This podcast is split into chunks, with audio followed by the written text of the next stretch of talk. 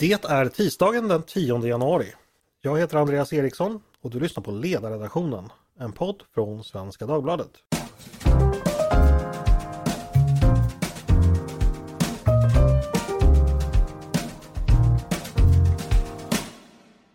Varmt välkomna hörni till dagens avsnitt av podden. Idag ska vi prata elstöd, ett ämne som ju ligger i tiden och som jag antar intresserar den delen av er lyssnare som konsumerar el. Eh, vilket jag misstänker kan vara en och annan. Elpriserna har ju stigit kraftigt det senaste året och politikerna både i den förra och den nuvarande regeringen har ansett det nödvändigt att hjälpa oss stackars elkunder på olika sätt. Eh, förra vintern var vi ju en del som fick eh, elstöd fram på vårkanten. Som mest kunde man den gången då få eh, 6 000 kronor om jag minns rätt för de tre månader då elen hade varit dyrast. Eh, nu är det så att vi dels har ett nytt stöd på gång som eh, redan är beslutat och det beräknas på den elförbrukningen som vi hade eh, från, eh, från oktober 2021 fram till september 2022. Och dessutom fick vi ju igår reda på att regeringen hade, hade eh, beslutat om ytterligare ett stöd som då ska avse november och december förra året. Det här har som ni hör redan hunnit bli ganska invecklat så jag tänkte vi skulle försöka bena lite idag. Eh, vad är elstödet för något? Hur är det tänkt att fungera? Varifrån kommer pengarna? Varför har man valt att göra precis på det sättet som man gör? Fanns det några alternativ? Vad är fördelarna och nackdelarna med det system som vi i Sverige har valt? Och hur påverkar det här elmarknaden och elkonsumtionen i stort? Vad kan vi säga om det? Eh, bra frågor tycker jag som vi kanske ska kunna besvara idag. Jag hoppas det. Med mig för att göra det har jag Malin Strid som är avdelningschef elmarknad på Svenska kraftnät. Välkommen hit Malin! Tack! Och så har vi eh, en forskare också, nämligen Per Holmberg. Docent och forskare vid Institutet för näringslivsforskning. Eh, du är både ekonomie och teknologiedoktor. Välkommen du också! Tack så mycket! Jag tycker vi ska börja väldigt praktiskt. Eh, Malin, eh, jag tänkte vi ska utgå från mig eftersom jag inte tänker be någon annan avslöja sin elkonsumtion. Eh, hur ska jag göra för att räkna ut hur mycket elstöd jag kommer få i den så att säga första omgången, den som redan är beslutad? Hur, hur, hur ska man tänka?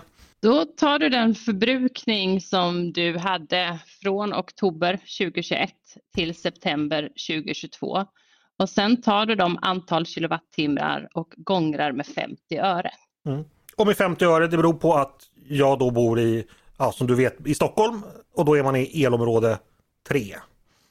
Precis, då är det elområde 3. Bor du i elområde 4, det vill säga i södra Sverige, i Skåne och Blekinge bland annat, då är det 79 öre.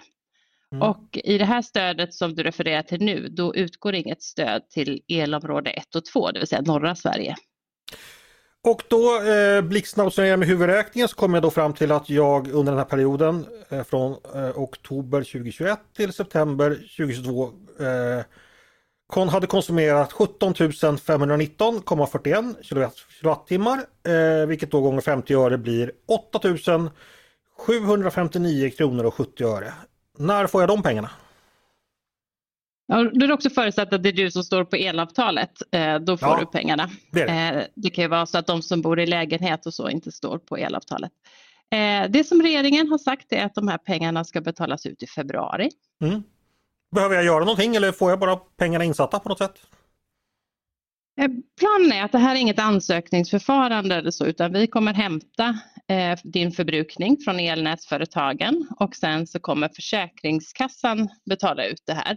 Mm. Eh, det som vi och Försäkringskassan behöver återkomma kring det är ju då för de personer som inte har ett konto i, i den banken som Försäkringskassan har upphandlat om de behöver göra något för att slippa en utbetalningsavi. Men det får vi återkomma kring. Men jag då som är så att säga kund hos Försäkringskassan i och med att jag varit föräldraledig och, och vabbat ganska nyligen. Eh, kommer det bara betalas ut till mig eller kommer det att behöva vara, måste jag göra någonting så att säga? Eh, planen är att det bara ska betalas ut men eh, alla detaljer är inte riktigt satta ännu eh, och vi och Försäkringskassan arbetar för fullo med detta. Så att vi behöver återkomma exakt kring detaljerna också exakt kring när i februari det här kommer betalas ut. Men det är inget ansökningsförfarande, du behöver inte ta reda på din egen förbrukning utan allt det här kommer ske automatiskt. Mm. Det enda jag behöver göra är alltså fundera på vad jag ska göra med mina 8759 kronor och 70 öre.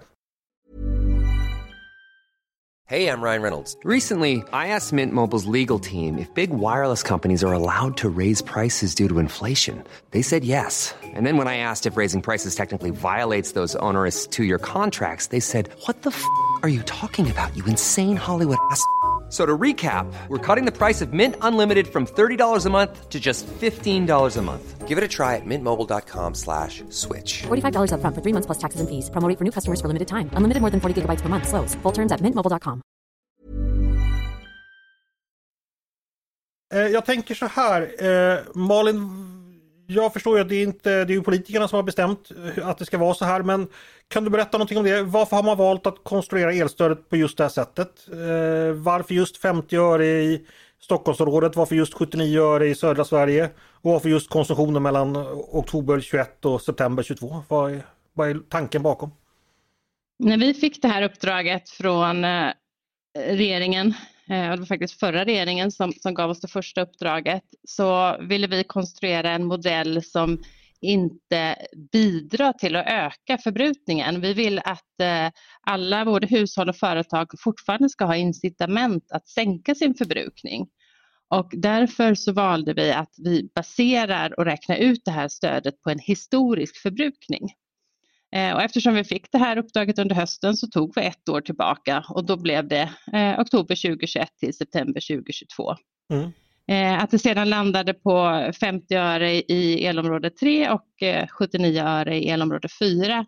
Det var också utifrån de eh, tillgängliga kapacitetsavgifter som, som fanns att dela ut och utifrån då den förbrukning, den totala förbrukning i eh, som, som kom upp över det här referenspriset på 75 öre som vi satte. Och utifrån det så eh, föll det ut eh, och vi landade på 50 öre till, till elområde 3, 79 öre elområde 4. Det är också så att det har varit högre priser i elområde 4 än i elområde 3. Mm. Eh, hur mycket kommer totalt betalas ut? Vet ni det ungefär? Det, ungefär så kommer det betalas ut 17 miljarder till hushåll. Det här första uppdraget som vi fick det inkluderade ju även företag. Eh, och det var också så utifrån den totala förbrukning som vi räknade fram de här ersättningsnivåerna. Eh, men utifrån att eh, det förslaget som beslutades av Energimarknadsinspektionen inte gick igenom statsstödsregelverket så riktar sig nu den här modellen bara till hushåll. Och då uppskattar vi det till eh, cirka 17 miljarder. Mm, Okej. Okay. Varav då 8 759 kronor och 70 öre kommer mig och min familj till del. Eh, per, vi släpper in dig och forskningen. Eh, tänkte börja med en väldigt grundläggande fråga. Det här med att man ska ge pengar till, till oss elkunder. Det är förstås en politiskt beslut, men vad säger nationalekonomin? Är inte, e, har inte el traditionellt betraktats som en vara som vi själva ska stå för, precis som vi ska betala mat och kläder ifall, ja, i normalfallet så att säga? Vad, vad, vad finns att säga om det? Ja, men jag tycker också att det är en, en naturlig utgångspunkt då att man att varje hushåll och alla företag får betala elräkningarna med sina egna pengar. Ja, det är så vi brukar göra tänker jag. Ja, precis. Sen så är det ju att det har varit ganska extremt nu med, jag tror att eh, i södra Sverige så kanske elpriserna varit eh, tre gånger högre än normalt och dessutom så är ju elen, i alla fall för vissa hushåll så är det en stor kostnad också för en del företag så att eh, då kan jag förstå att man, eh, att man eh, behöver göra någon form av kompensation. Även om, men men det, är ju, det bör ju vara någon sorts tillfälligt då, så att det är ingenting som man eh, bör, bör bli en, en, en, en regel, regelbunden lösning. Och det här sättet då som man har landat i, vad, vad tänker du så, som eh, forskare om det? Är, är det ett, eh, är det ett lämplig, lämplig lösning? Jag tycker att den, eh, alltså det är en sak som man har fått ta hänsyn till och det är att man behöver någon enkel modell som gör att det snabbt, går snabbt att få ut pengarna då.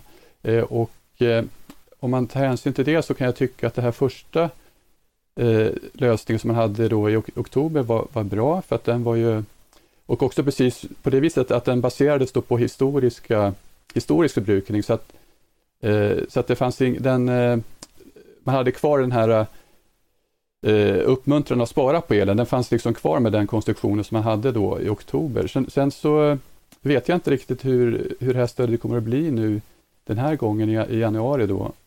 Eh, om man kommer att ha även då att, eh, att det baseras på, säg den förbrukning som skedde då före eh, september 2022 eller, eller, om, eller om man kommer att ta in eh, förbrukningen, den verkliga förbrukningen under november och december. Om det, och, då, eh, och sen så också då, om det börjar bli så att hushållen börjar räkna med att utgå ifrån att de kommer få sådana här elstöd, då, då finns det ju en fara i att elförbrukningen kommer att öka framöver mm. om man får sådana här paket efter paket efter paket. Så att, eh, jag tyckte att det, det, var en bra lösning eh, i oktober. Eh, sen så är jag lite osäker på hur det blir nu och, och jag tror att det blir sämre och sämre för varje gång som man gör ett sånt här elstöd. Då. Mm. Vi, vi, ska återkomma till eventuellt hur det blir i framtiden. Bara en fråga där. Fanns det inte alternativ, exempelvis bara sänka skatten eller ta bort momsen eller ändra momssatsen eller så här? Hade inte det varit ännu enklare?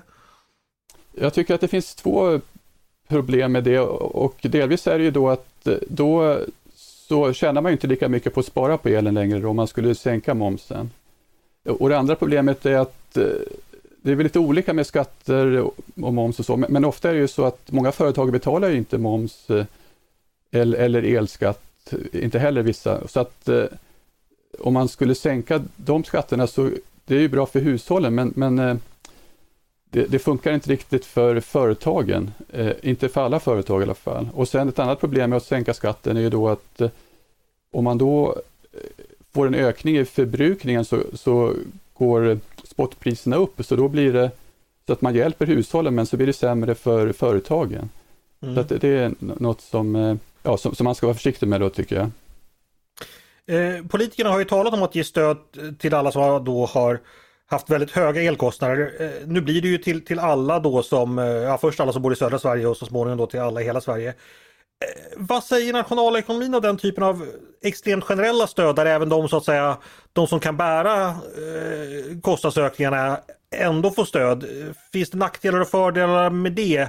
Alltså så att säga vad som, vad som är bäst för oss alla, för landet så att säga. Och då skulle jag vilja säga att för Eh, ett problem nu är att vi har ju även en inflationskris och eh, att det är svårt för Riksbanken. Och i det läget så vill man ju egentligen vara ganska återhållsam med att ge pengar till hushållen och då hade det, om det hade varit optimalt så skulle man väl då ha valt ut de eh, grupper som verkligen behöver stöd och kanske bara gett till dem då. Mm. Det hade väl varit det optimala utifrån Riksbankens perspektiv. Med ett sådant här stöd så finns ju en risk att, att, att man spär på inflationen och, och att Riksbanken behöver höja räntan då. Så det, det är en, en, en fara.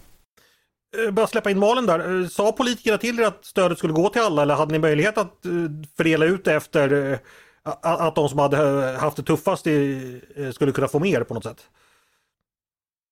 Eh, det var inte så att politikerna styrde att det skulle gå till alla. Eh, däremot så är det så att vi, vi gjorde ju många avvägningar när vi utformade den här modellen och det finns liksom för och nackdelar med allt.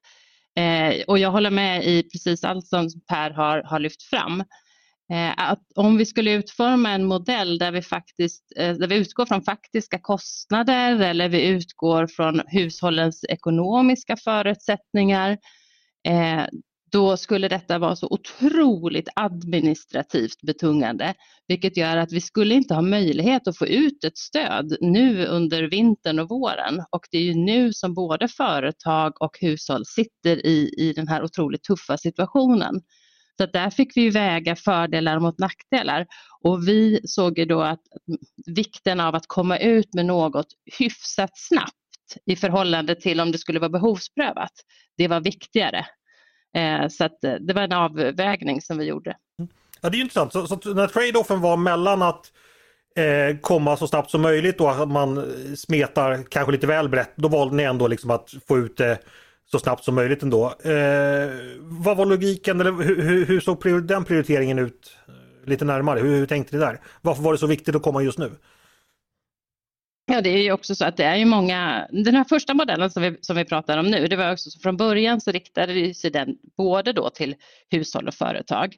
Eh, och eh, eftersom det är både många hushåll och många företag som är otroligt pressade över de här höga elpriserna så är det på något sätt hela syftet med det här stödet, det är att det ska komma ut eh, ganska snabbt.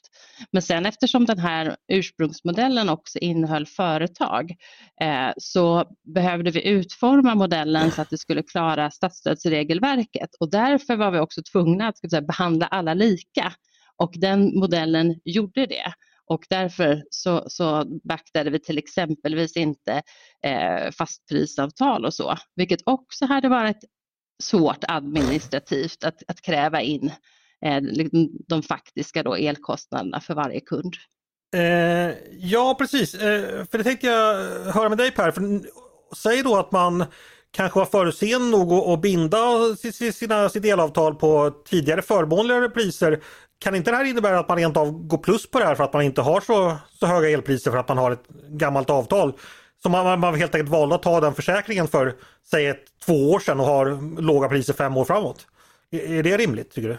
Ja, jag håller med om det att det kan bli så att eh, i extremfall då att vissa till och med går plus på det här om man har fått ett bra avtal med fast pris. Samtidigt så är det ju så att för samhället är det ju bra att eh, hushåll prissäkrar sig och att företag prissäkrar sig. Och eh, att man vill, eh, man vill, samhället vill nog gärna uppmuntra det, så att säga. För att risken är då att, man kan säga så här att om alla hade varit prissäkrade, då hade vi inte behövt något stöd överhuvudtaget. Så, att, så att det, det underlättar ju för samhället om alla eh, så att säga, tar ansvar själva och prissäkrar sig. Och, så att det är någonting som vi vill uppmuntra. Och om vi bara skulle betala ut den här subventionen till de som hade rörligt pris, då, då kommer ju inte folk vilja vara så intresserade längre av att, att prissäkra sig. Nej. Om alla hade varit prissäkrade då hade ju för sig vi inte haft prismekanismen så att säga för att dämpa konsumtionen i en tid av ja, rent konkret elbrist. Så det hade kanske inte heller varit helt lysande ändå om alla hade bränt på, så att säga. Om du förstår vad jag menar. Ja, jag tycker ju att att det finns ju ett problem allmänt sett med de här fastprisavtalen och, och det tycker jag är någonting som man borde ändra egentligen utformningen där för att eh, det som man skulle vilja se utifrån ett nationalekonomiskt perspektiv det är ju då att man eh, prissäkrar bara sin planerade förbrukning så att säga. Och eh, om man sen då förbrukar mer än vad man har planerat då eh, får man betala vad ska jag säga, ja, fullt pris eller marginalpriset, spotpriset för, för det extra man förbrukar. Och, så, och, då, och då blir det också så att man skulle ha tjänat på att eh, spara på el även om man har liksom en prissäkring. Då. Mm. Men, men det, det, är något som inte riktigt är, rätt med de där avtalen skulle jag säga. Mm, okay. eh, en fråga, jag vet inte hur bra koll ni har på det men eh, vi är ju inte det enda landet förstås som haft motsvarande problem med höga elpriser. Hur har man gjort i andra länder? Eh, har man elstöd för det första? Och för det andra, hur ser det ut? Liknar det vårt system? Malin, har du, har du koll på det? Jag har inte ska säga, stenkoll, men, men det ser lite olika ut i olika länder. Eh, det är också så att det är ju inte alla länder som har haft det här enorma inflödet av kapacitetsavgifter vi har haft, eh, vilket är ju egentligen ett problem. Men Eh, Eh, just i det här fallet så har det ju då funnits medel att dela ut. Vi har tittat lite grann på andra länder men det som har varit viktigt för oss det är att ha just en modell som inte riskerar att bidra till ökad förbrukning, vilket vi, vi kan se i, i vissa andra modeller. Eh, sen också en del andra länder som har, har tittat på skatter och lagt skatter på, på olika sätt för att få in medel. Så det ser lite olika ut. Mm. Per, har du koll på hur man gör i andra länder? Inte, jag har inte heller jättebra koll, men, men en modell som diskuterades i valrörelsen var ju den norska modellen. Då. Och, så att, och det var ju som, eh, den som Moderaterna och Kristdemokraterna förespråkade. Och då skulle man ju få en, en, eh, en prissäkring så på något vis att staten skulle ta i stort sett hela kostnaden över en viss prisnivå. Då. Mm. Eh, och, och då hade man ju verkligen fått vad ska man säga, inte uppmuntrat sparande om, om man hade valt en sån modell. Så att jag tycker att det var bra att man, eh, att man bytte till den här eh, modellen som Svenska kraftnät tog fram. Den var ju en, en bättre modell tycker jag. Mm. Ja, det låter ju lite riskabelt om man så att säga når gränsbeloppet och därefter är varje kilowattimme gratis så finns det ju inga incitament alls att spara. Eh, jag tänkte vi ska övergå till att prata lite finansiering. Nu har Malin, du har redan två gånger nämnt det här med flaskhalsintäkter. Eh, för att de här pengarna då som vi ska få, däribland mina 8700, kommer inte från statskassan utan från just flaskhalsintäkter. Jag har hört ordet många gånger, jag har fått förklarat för mig några gånger. Eh, jag har inte helt fattat än. Eh, Malin, kan du ge mig en förklaring en gång för alla? Vad är flaskhalsintäkter? Väldigt enkelt så kan vi säga så att i Sverige har vi olika elområden och vi har prisskillnader mellan de här elområdena. Och när det då flödar el från ett område med eh, lägre pris till ett elområde med högre pris eh, så blir det en, en differens där. Och de här eh, differenserna, det är då flaskhalsintäkter, de uppstår för att vi har flaskhalsar i det fysiska systemet. Eh, och de här eh, pengarna, eh, de landar då på ett eh, konto hos Svenska kraftnät som egentligen är en skuld till elmarknaden. Vem betalar dem? Var, varifrån kommer pengarna? Det här betalar ju elkunderna, elkunderna som har de höga elpriserna. Mm, Okej. Okay. Eh, och hur mycket, det här kontot, vad, vad, vad, är det för saldo på det just nu? Oh, just nu vågar jag inte riktigt säga på det eftersom vi har så otroligt många olika elstöd och, och uh, olika åtgärder uh, på gång. Uh, men vi hade under 22, 2022 ett inflöde på cirka 70 miljarder och det är helt exceptionellt. Mm. För tre år sedan då låg det kanske i storleksordningen 1-2 miljarder och sen så steg det lite under 2020 och sen steg det till drygt 20 miljarder 2021. Så att 70 miljarder är liksom så abnorm summa. Mm. Eh, och det är också eh, helt orimligt att Svenska kraftnät ska agera bank och att de här medlen ska, ska stå på ett konto hos oss. Vi kanske vill ha en trevlig firmafest någon gång, vad vet jag? Det är inte så vi jobbar och det är inte så regelverket ser ut. Nej, jag förstår det. Eh, jag hoppas ni har investerat dem klokt. Say hello to a new era of mental health care. Cerebral is here to help you achieve your mental wellness goals with professional therapy and medication management support. 100% online. You'll experience the all new Cerebral Way, an innovative approach to mental wellness designed around you. You'll get a personalized treatment plan from a therapist, prescriber, or both in a safe and judgment free space. Your cerebral therapist or prescriber will outline a customized plan with clear milestones along the way so you can get to feeling your best. With Cerebral, you're not alone in your mental health journey. We're here to empower you to live a fulfilling life. So take that first step towards a brighter future and sign up today at cerebral.com slash podcast and use code ACasts to get 15% off your first month. Offer only valid on monthly plans. Other exclusions may apply. Offer ends July 31st, 2024. See site for details. Varför har man bestämt att det är flaskhalsintäkterna som ska stå för elstödet? Det är väl ett politiskt beslut, eller? Ja, men, men det är också så att utifrån att vi har då, ska säga, fått det här enormt stora inflödet så, eh, så finns det ett grundregelverk i elmarknadsförordningen, heter den lagstiftningen, som talar om hur sådana här flaskhalsintäkter eh, eller kapacitetsavgifter ska nyttjas. Och det är ganska logiskt, de ska nyttjas till att bygga bort de här fysiska flaskhalsarna i systemet för att eh, bidra till att bygga bort de här prisskillnaderna. Eh, och eh, de kan även användas för att man ska kunna mothandla för att man ska minska prisskillnader i olika områden. Eh, och utifrån det här regelverket så, så är det då angett att när man har, man måste prioritera och använda pengarna till det här.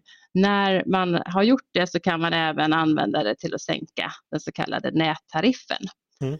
Men i och med den här energikrisen i Europa så har man öppnat upp olika krisregelverk och då finns det en möjlighet att har man då väldigt stort inflöde av kapacitetsavgifter som vi har i Sverige så kan man få nyttja det till åtgärder utöver det här ordinarie regelverket förutsatt att vi har liksom uppfyllt det ordinarie regelverket först. Och därför finns det då möjlighet att nyttja de här kapacitetsavgifterna att ge till stöd för de som har eh, då höga elkostnader. Men hade det inte varit bättre att använda de här 70 miljarderna till att fort som attan bygga mer kapacitet mellan landets delar? För det sägs ju alltid att det är så viktigt att göra. Så att, så att säga, det blir bättre i framtiden istället för att dela ut dem till mig. Absolut, om det hade varit möjligt eh, så håller jag helt med dig. Eh, det är dessvärre inte eh, pengar som, som eh, sätter taket för hur mycket vi kan bygga. Eh, det är eh, otroligt liksom, svårt att komma fram i, tillståndsprocesser och det är väldigt långa ledtider för att bygga elledningar. och där har vi en enormt stor portfölj över vad vi ska bygga ut. och det kommer vi prioritera först. Så att mm. det är någonting som ingår i de här prioriterade åtgärderna. Så först så har vi pengar dit och de investeringar som vi kan göra där. Men för det som då finns kvar, då ska de inte stå på ett konto hos oss. Eh, per, har du någonting att tillägga om detta? Är, är det klokt att använda de här uh, kapacitets uh, eller flaskhalsintäkterna till, uh, ja, på det här sättet? Jag tycker ju att i första hand att man ska använda dem för att försöka lösa problem då och delvis så gör man ju det, man upphandlar produktion och så vidare så att man kan få en bättre stabilitet i nätet och, och man gör olika åtgärder för att öka eh, så att man kan utnyttja nätet bättre och så där på kort sikt. Då. Så det tycker jag är bra och sen så upphandlar man, man väl även eh, eller ska säga förbrukningsreduktion, alltså man betalar aktörer för att eh, minska sin förbrukning vid känsliga tillfällen. Mm. Eh, och, eh, jag, menar, jag, jag, skulle kanske tycka att man kunde, jag har inte full insyn i Svenska kraftens verksamhet, men, men kanske att eh, man skulle kunna gjort ännu mer av, av, den typen av åtgärder för att få ner elpriset. Då. Tänkte, vi ska också nämna det här, eh, det, det nya elstödet som alltså presenterades igår. Eh, Malin, jag vet ju att ni precis har fått uppdraget och eh, du inte kan säga någonting om, om hur det, det, kommer se ut där. Men, men vad vet ni på verket än så länge? Vad är, vad är det regeringen har sagt till er so far?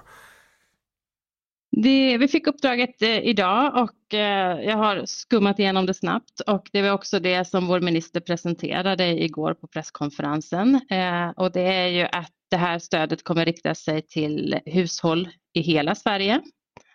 Eh, alltså inte då bara i södra Sverige. Och att det handlar om ett stöd för månaderna november och december. Eh, sen så finns det också i uppdraget att om det är möjligt så ska vi beakta någon form av tak på förbrukning. Eh, och sen så ska vi också beakta att det är kallare i norr och att det då eh, kan vara högre uppvärmningskostnader och därmed högre elförbrukning i norr.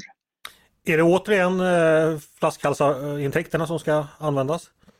Ja, det är det. Eh, vet vi hur mycket, har regeringen sagt hur mycket man avfall flaskhalsintäkterna som kommer behövas? Eller som ska användas helt enkelt? Nej, vi behöver ju räkna ut det här i detalj. I uppdraget står det en, en prognos över eh, vad som bör finnas tillgängligt och vi behöver ju räkna både utifrån vad som finns tillgängligt av kapacitetsavgifter men också utifrån att den här modellen, och det står i uppdraget, att det ska bygga på den tidigare modellen och att vi ska använda samma eh, referenspris på 75 öre, så behöver vi då titta på eh, hur, hur mycket medel eller hur mycket kapacitetsavgifter det här kommer kosta. Mm. Eh, och jag har, vågar inte svara på det redan nu. Nej, okay. Eh, bara en fråga här. Eh, uppstår inte nu situationen att principen av att, så att säga, återbäring försvagas? För om även kunderna i norr då eh, ska få tillgång till elstöd. De har väl inte genom sina elräkningar betalt in flaskhalsintäkter. Det är väl vi i söder som har gjort det främst. Och så, så att säga, kan de i norr så att säga, har de betalat in några flaskhalsintäkter som de kan få återbäring på? Om du förstår vad jag menar. Du har ju helt rätt i att eh, de här flaskhalsintäkterna och kapacitetsavgifterna är huvudsakligen inbetalade av, av eh, kunder i södra Sverige, både företag och hushåll. Mm. Eh, och det är någonting som vi behöver titta på uppdraget och också eh, utifrån hur, hur kan det här nyttjas. Men, men uppdraget säger att det ska delas ut till, till hela Sverige. Mm. Jo, jag förstår hur uppdraget ser ut. Jag tänkte bara att rent principiellt så kan man inte då... Alltså det är inte så att jag missunnar några norrlänningar pengar heller, men, men det blir ju det blir en annan princip, tänker jag då. Eh. Ja, och det blir en annan princip och sen ytterst så är det ju då Energimarknadsinspektionen som får göra en oberoende prövning av är det här möjligt? Eh, så att när vi eh, har tagit fram en modell så är det då Energimarknadsinspektionen som behöver pröva den mot regelverket. Mm. Eh, vi ska prata lite om framtiden även fast den är okänd för oss alla. Ingen av er är ju politiker så vet ju inte vad de kommer bestämma. Men Per, finns det någonting eh, från forskningen som säger någonting det här med att eh, man subventionerar eh, konsumtionen av en viss vara. Hur påverkar det en marknad på sikt? Eh, ja, och, går det att säga någonting generellt om det och specifikt om, om, om det just är en elmarknad? Har det här prövats tidigare exempelvis? Har vi den typen av har, har forskningsdata? Ja, man ska väl säga att eh, eh jag skulle inte säga att, att det här är ganska extremt, det här 2022, det här året, så att det, det, det, är inte så att det finns så mycket forskningsdata på det. Men eh, en sak som jag tycker man, eh, som jag tycker jag sett flimra förbi mera i nyhetsflödet, det är väl det att eh, den här elsparandet har ju, har ju mest, det har mest varit elsparande i södra Sverige. Och det är där priserna har varit högre, medan det är mindre elsparande i norr, där man har haft lägre priser, åtminstone under sommaren och, och våren. Då. Så att jag, jag, tror att det här med att det, det, är svårt att få till elsparandet om man inte har höga priser tyvärr tror jag. Mm. Eh, och det är också någonting som man har sett i olika typer av experiment och sådär att eh, för att få hushåll och så att spara på elen så, och att det ska hålla i långsiktigt så behöver man eh, eh, det behövs ekonomiska incitament för att, för att sparandet ska komma till. Mm. Kortsiktigt så kan det bli så att man sparar kanske för att man eh, uppmuntras att göra det så. Men, men, men eh, om det ska hålla i sig så är det viktigt med prissignalerna. Jag tänkte också på det du sa tidigare Per, lite om det här med förväntningar, om det här är någonting som jag menar, den politiska logiken att, att den kommer ju bestå. Vi har ju den regering vi har. Eh, att om ska jag tänka i sommar så här att ja, jag kan ju dra på luftkonditioneringen här för jag kommer ju ändå få tillbaks 50 öre för varje kilowattimme jag bränner eller nästa år kanske blir 75 öre för då kanske den politiska pressen, alltså finns det risk att en sån situation uppstår? Ja, jag vet det, i och med att det börjar bli lite av en följetong med de här elstöden. Det var ju elstöd även i, efter förra vintern också, olika sorters. Eh, så att det, finns väl en risk att, att eh, befolkningen börjar vänja sig och, förväntar sig stöd och då, så eh, då blir det ju svårt att hålla i det här med elsparandet tror jag tyvärr, att det blir så. Mm. Eh, vi ska ta och avrunda, vi har fått lära oss jättemycket om elstöd och eh, annat idag. Eh, är det någonting annat ni skulle vilja lägga till eh, som ni tycker är viktigt och relevant att man ska ha med sig i huvudet när man tänker på det här? Eh, både som elkonsument och som samhällsintresserad medborgare i största allmänhet. Vad, vad säger du Malin, är det någonting, eller har vi täckt, täckt allting tycker du? Men jag skulle säga det viktigaste och det har vi varit inne på att, att det bästa sättet att spara eh, pengar här det är ju just att tänka på sin förbrukning. Sen har vi en extrem situation och även om vi är många som sänker vår förbrukning så mycket vi bara kan så blir det fortfarande väldigt höga elräkningar. Så att vi har en extrem situation. Men, men det viktigaste är ju att vi eh, försöker sänka vår förbrukning och också sänka det under de här morgontimmarna och kvällstimmarna för det är också då som förbrukningen är högst i hela landet och då blir också priserna högst. Så att kan vi flytta och tvätta på kvällarna och sånt så är det också väldigt viktigt. Mm. Eh, per, du då, är det någonting du skulle vilja lägga till? Ja, det, det, är en sak som jag har funderat på och som jag tycker kanske att myndigheter och, och regeringen borde kanske ta tag i. Det är det här med att eh, det har blivit så väldigt dyrt för hushåll och företag att prissäkra sig då i ja, i fastprisavtal och andra avtal. Och eh, att, eh, jag skulle säga att de finansiella marknaderna de fungerar ju ganska bra tycker jag och där har ju regeringen varit inne och, och eh, hjälpt till för att med, med sådana här vet du, kreditgarantier för att få hålla igång handeln på, på, på finansiella marknader. Men på något vis så känns det som att det har blivit någonting som inte riktigt funkar i de här fastprisavtalen så de har hamnat på orimligt, de har blivit orimligt dyra helt enkelt. Eh, och det mm. handlar, har väl att göra med att, eh, att riskerna är på något vis för stora. Eh, och jag, jag, tycker att det borde man titta på, tycker jag, på något vis, försöka hitta en lösning så att, att det går att prissäkra till rimliga priser. Hur, hur skulle politikerna kunna göra där? Tänker du? Nej, jag vet faktiskt inte exakt vad, jag vet inte exakt vad problemet är där, alltså heller varför det har blivit så extremt höga priser, utan, men att man vänder på de stenarna eh, på något vis. Och, och, det kan ju vara så att man behöver någon form av kreditgarantier, eller jag vet inte, några statliga garantier även, även i, i dem på något vis. Jag vet faktiskt inte. Mm. Kanske kan bli ämne för en, ytterligare en poddiskussion. Eh, men vi får nöja oss för idag. Eh, stort tack Malin Strid och Per Holmberg för att ni kom och gästade podden idag och diskuterade med mig. Tack, tack. Och tack till er som har lyssnat också på ledarredaktionen. En podd från Svenska Dagbladet. Ni är varmt välkomna att höra av er till redaktionen med tankar och synpunkter eller egna beräkningar på er elkonsumtion eller om ni har idéer och förslag på saker vi ska ta upp i framtiden. Det är då bara att mejla till ledarsidan snabla svd.se. Stort tack för idag! Dagens producent, han heter Jesper Sandström. Själv heter jag Andreas Eriksson och jag hoppas att vi hörs igen snart.